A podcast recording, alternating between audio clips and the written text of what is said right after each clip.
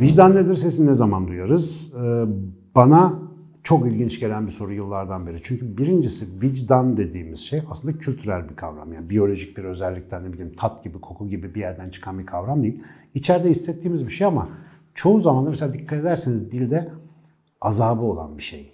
Mesela vicdan süruru ya da vicdan keyfi diye bir şey pek kullanmayız da vicdan azabı çok kullandığımız bir şeydir. Böyle vicdan tetiklendiği zaman bize rahatsızlık veren bir şey.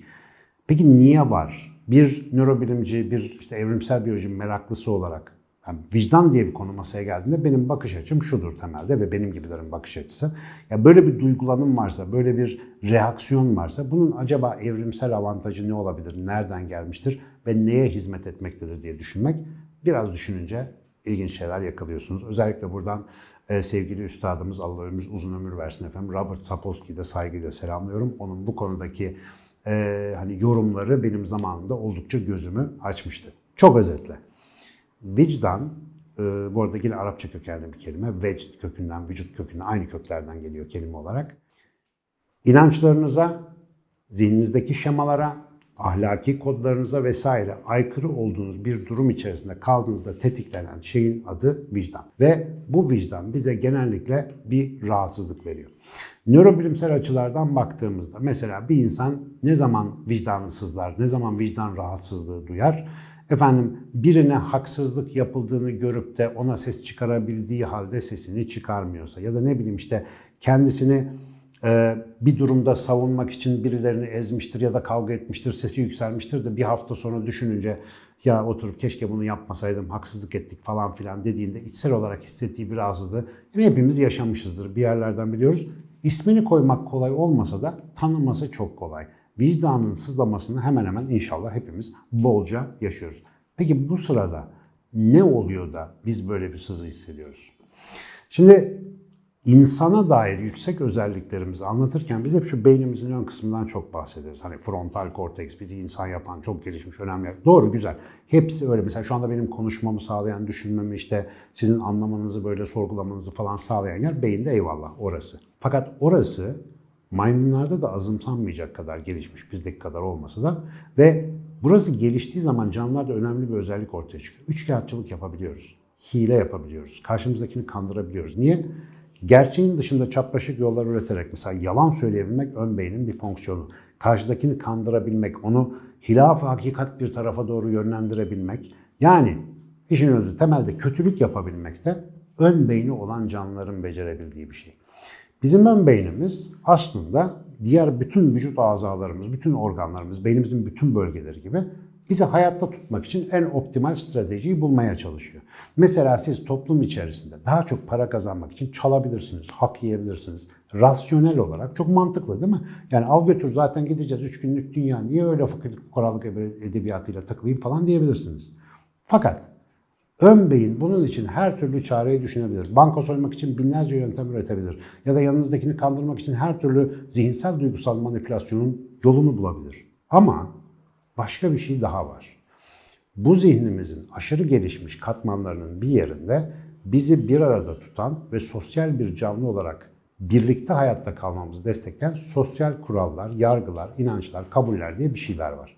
Bunlar da yazılımsal olarak içeride bir yerde genellikle bilinç dışı alanda yüklü vaziyette bekliyorlar. Ve ahlaki bir ikilemle karşılaştığımız zaman ilginç bir şey oluyor beyinde. Ön beynimizin bir yeri diyor ki buraya şey diyelim. Hani bizim temel kültürdeki adıyla nefis bölümü ya da işte şeytani fısıl, şeytan diyor ki falan var ya işte orası orası. Ön beynimizin bir bölümü. Diyor ki şuradan şöyle yapı verelim. Şunu şöyle götürü verelim. Şunu şöyle kandırı verelim. Bunu dediğimiz anda beynimizde o daha doğrusu bu beyin dediğince sanki böyle bir nöronların arasında bir yeri varmış gibi anlaşılıyor ama bunu bir metafor olarak kullandığımı artık anlıyorsunuz. Zihnimizin içerisinde bir yerde var olan kodlarla bulduğumuz bu çözüm arasında bir çatışkı başlıyor. Bakın bir çatışma. Öyle olmaması lazım. Ama böyle de yapabiliriz. Ama olmaması lazım. Bu çatışma aşağıya amigdalaya bilgi olarak gidiyor. Amigdala diyor ki bir saniye stresli bir durum var. Ve ön beyine hemen diyor ki ne yapıyorsun sen?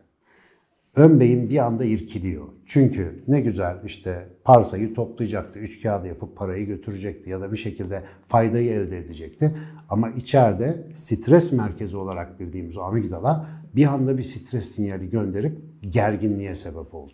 Ve bu içeride çok rahatsız edici bir his yaratıyor. Fakat şu anda ben ve işte şu anda monitörleri başında bu videoyu izleyen sizlerin bilmesi gereken çok önemli bir şey var. Ön beynimizin düşündüğü bu üç kağıtçı hileler ilk başta amigdalayı çok fazla uyarıyor. Ama tekrarla ve devamlı olarak amigdala sürekli susturulup pışpışlanıp bu üç kağıtlara, bu yalanlara, bu yan yollara tevessül etmeye devam edersek bir süre sonra amigdala artık o kadar uyarılmıyor. Yani içimizdeki o sızı gittikçe azalıyor. Eskiler buna vicdanın ölmesi adını veriyorlar. Ve bizim sistem aralarındaki bağlantıları negatif yönde yani baskılama yönünde çok kullandığımız için artık ne zaman aklına başka insanlardan haksız hukuksuz olarak faydalanmanın bir yolu gelse amigdalasını hemen pışpışlayıp susturup rahatlıkla bu hani belki de e, gayri ahlaki diyebileceğimiz davranışı büyük bir rahatlık içerisinde yapabilen insanların ortaya çıkmasını sağlıyor. Amigdalayı susturmanın yani vicdanın sesini kısmanın çok enteresan yolları var. I know. Most of you are looking at the subtitles to understand what I'm saying.